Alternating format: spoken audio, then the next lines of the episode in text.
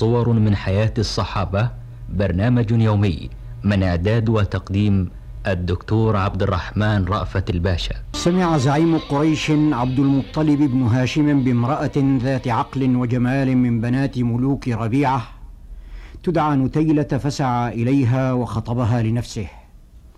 وبنى بها فولدت له طفلا قسيما وسيما بهي الطلعة ففرح به ثم دعاه العباس. ولم يمض على فرحة شيخ مكة غير سنتين اثنتين حتى أتيح لبيته أن تغمره الفرحة من جديد فقد ولد لابنه عبد الله مولود يضارع العباس في إشراق الوجه وروعة المجتلى.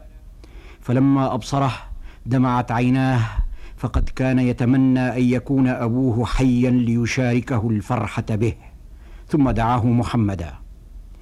نشأ محمد والعباس في كنف عبد المطلب بن هاشم وهما لا يعلمان إلا أنهما أخوان يغدوان ويروحان معا ويأكلان من جفنة واحدة ويلعبان في ملعب واحد. ولما بلغ العباس العاشرة من عمره توفي أبوه عبد المطلب ففجعت به مكة كلها وجزع عليه أهلها لكن الغلامين العباس ومحمدا كانا أشد الناس جزعا عليه لأنهما ذاقا طعم اليتم بفقده. ولما قسمت المناصب المنوطة بعبد المطلب على أبنائه جعلوا لابنه العباس سقاية الحاج على الرغم من صغر سنه وذلك لما كانوا يتوسمونه فيه من النجابة وما يتوقعونه له من السيادة. وطفق الفتيان العباس بن عبد المطلب ومحمد بن عبد الله ينموان فإذا هما شابان موفورا الشباب وإذا فوارق السن بينهما تزول حتى إن الرائي لا يراهما فيحسبهما توأمين. وعلى رأس الأربعين من العمر أكرم الله سبحانه محمد بن عبد الله بالرسالة وبعثه بدين الهدى والحق وأمره بأن ينذر عشيرته الأقربين ومن أقرب إليه من عمه العباس فهو تربه الأثير وصديقه الحميم وعمه أخو أبيه. لكن العباس الذي ورث عن أبيه السيادة في قومه وأنيطت به سقاية الحاج وهو منصب يتنافس فيه المتنافسون كان يكره أن يتنكر لقومه ويحرص على أن يستبقي زعامته فيهم فلم يستجب لدعوة رسول الله صلى الله عليه وسلم.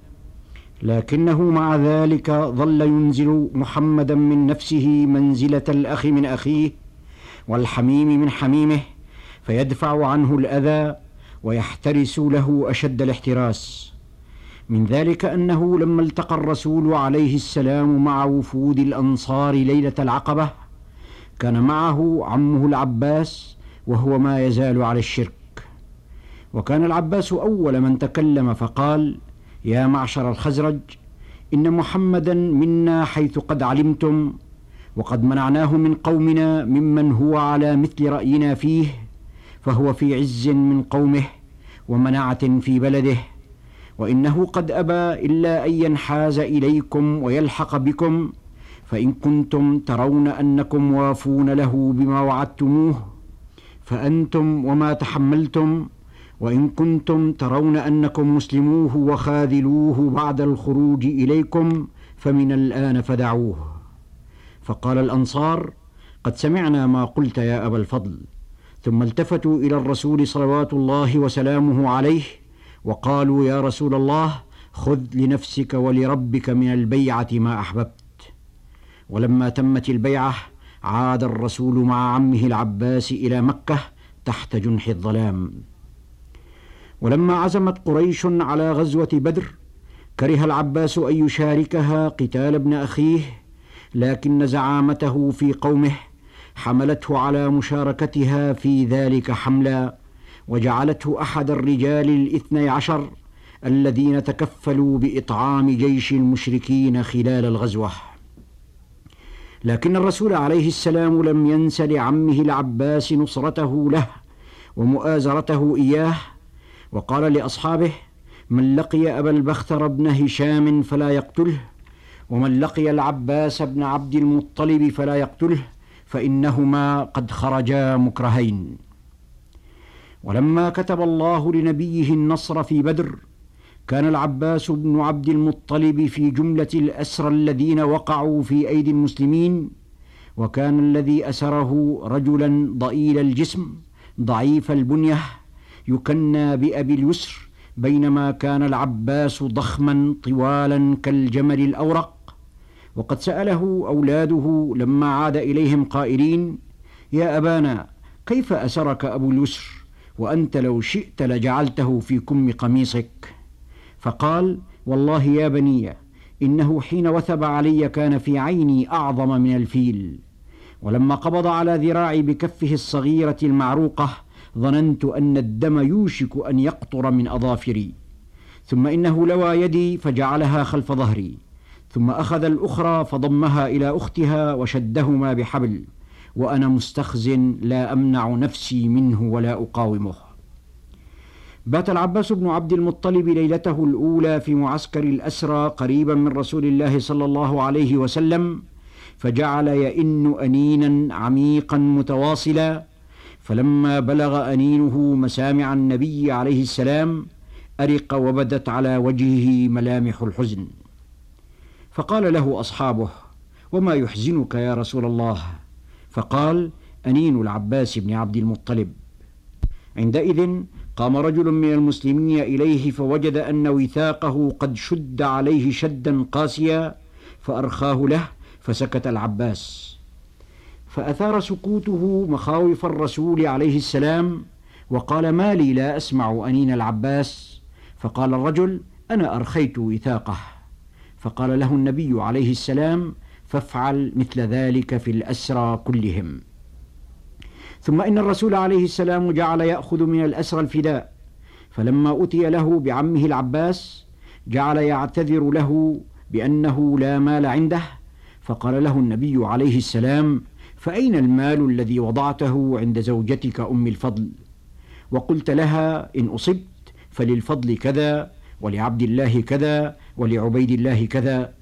فبهت العباس لأن ذلك أمر لم يطلع عليه أحد أبدا إلا الله. مضت عشرون سنة على دعوة الرسول صلوات الله عليه وعمه العباس لا يزال على الشرك وفي ذات يوم جلس مع زوجه أم الفضل يعددان شمائل الرسول الكريمة ويذكران صفاته النبيلة ويستعيدان قصة معرفته للمال الذي أودعه معها في نجوة من الناس جميعا. فما لبث أن وجد نفسه يقول لزوجه ما بالنا يا أم الفضل؟ ما لنا لا نسلم فهشت أم الفضل لكلمته هذه وبشت وكأنما كانت تنتظر منه أن يقول ذلك. وفي ساعات معدودات كان العباس بن عبد المطلب قد أعد راحلتين له ولزوجه ومضيا معا نحو المدينة مهاجرين إلى الله ورسوله. ولما بلغ العباس وزوجه الجحفة فوجئا برسول الله صلوات الله عليه يقود جيشا جرارا لفتح مكة وفوجئ بهما الرسول عليه السلام أيضا فقد كان لقاء على غير ميعاد. وبادر الرسول عمه قائلا ما الذي أقدمك يا عم؟ فقال الرغبة في الله ورسوله. وأعلن هو وزوجته كلمة الحق ودخل في دين الله بعد طول جموح. فما إن سمع الرسول عمه يشهد أن لا إله إلا الله وأن محمدا رسول الله حتى فاضت دموع الفرح من عينيه وقال هجرتك يا عم آخر هجرة كما أن نبوتي آخر نبوة. منذ تلك اللحظة عزم العباس بن عبد المطلب على أن يستدرك ما فاته من الخير والأجر فوضع نفسه وماله في طاعة الله ومرضاة رسوله. ففي يوم حنين لما انهزم المسلمون وتخلوا عن رسول الله صلى الله عليه وسلم وقف العباس إلى جانبه وقفة الأسد الهصور فامتشق السيف بيمينه وأمسك بزمام بغلة رسول الله بيساره وظل ينافح عنه مع نفر قليل من أصحابه حتى كتب الله على أيديهم النصر. ويوم عزم الرسول صلوات الله عليه على إنفاذ جيش العسرة دعا أصحابه للعطاء والبذل فجاءه العباس وصب المال بين يديه صبا. ولما لحق النبي عليه السلام بالرفيق الأعلى ظل العباس لأبي بكر وعمر نعم المشير ونعم النصير. وظلاهما يجلانه ويعظمانه إقرارا بفضله ووفاء للنبي عليه أفضل الصلاة وأزكى السلام. وحسبك أن تعلم مستمعي الكريم أنه حين اشتد القحط على المسلمين في عام الرمادة فجف الضرع ويبس الزرع وغدت السماء وكأنها بنيت من نحاس خرج عمر بالمسلمين فاستسقى لهم فلم يسقوا وكرر ذلك مرات فلم يستجب لهم فقال لجمع من أصحابه لأستسقين غدا بمن يسقينا الله به إذا شاء. فلما كان الصباح مضى إلى العباس بن عبد المطلب وقد غدا شيخا كبيرا فقال له يا عم اخرج معنا لعل الله أن يسقينا على يديك. خرج العباس بن عبد المطلب في جمهور المسلمين خاشعا خاضعا مخبتا لله. وكان أمامه علي بن أبي طالب وعن يمينه الحسن وعن شماله الحسين ومن خلفه جموع المسلمين. فصلوا ركعتين ثم أخذ عمر بيدي عم رسول الله صلى الله عليه وسلم ودموعه تبلل لحيته وقال ادع لنا يا عم رسول الله.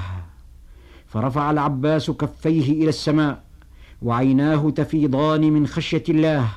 وأخذ يجأر إلى الله بصالح الدعاء وخالص الرجاء والناس يؤمنون من ورائه ضارعين منتحبين فما إن أتم دعاءه حتى تلبدت السماء بالغيوم وأرسلت غيثها على الأرض مدرارا وأزال الله عن المسلمين الغمة وكشف عنهم الكرب وسقى الناس على يدي ساق الحجيج رضي الله عنه وأرضاه.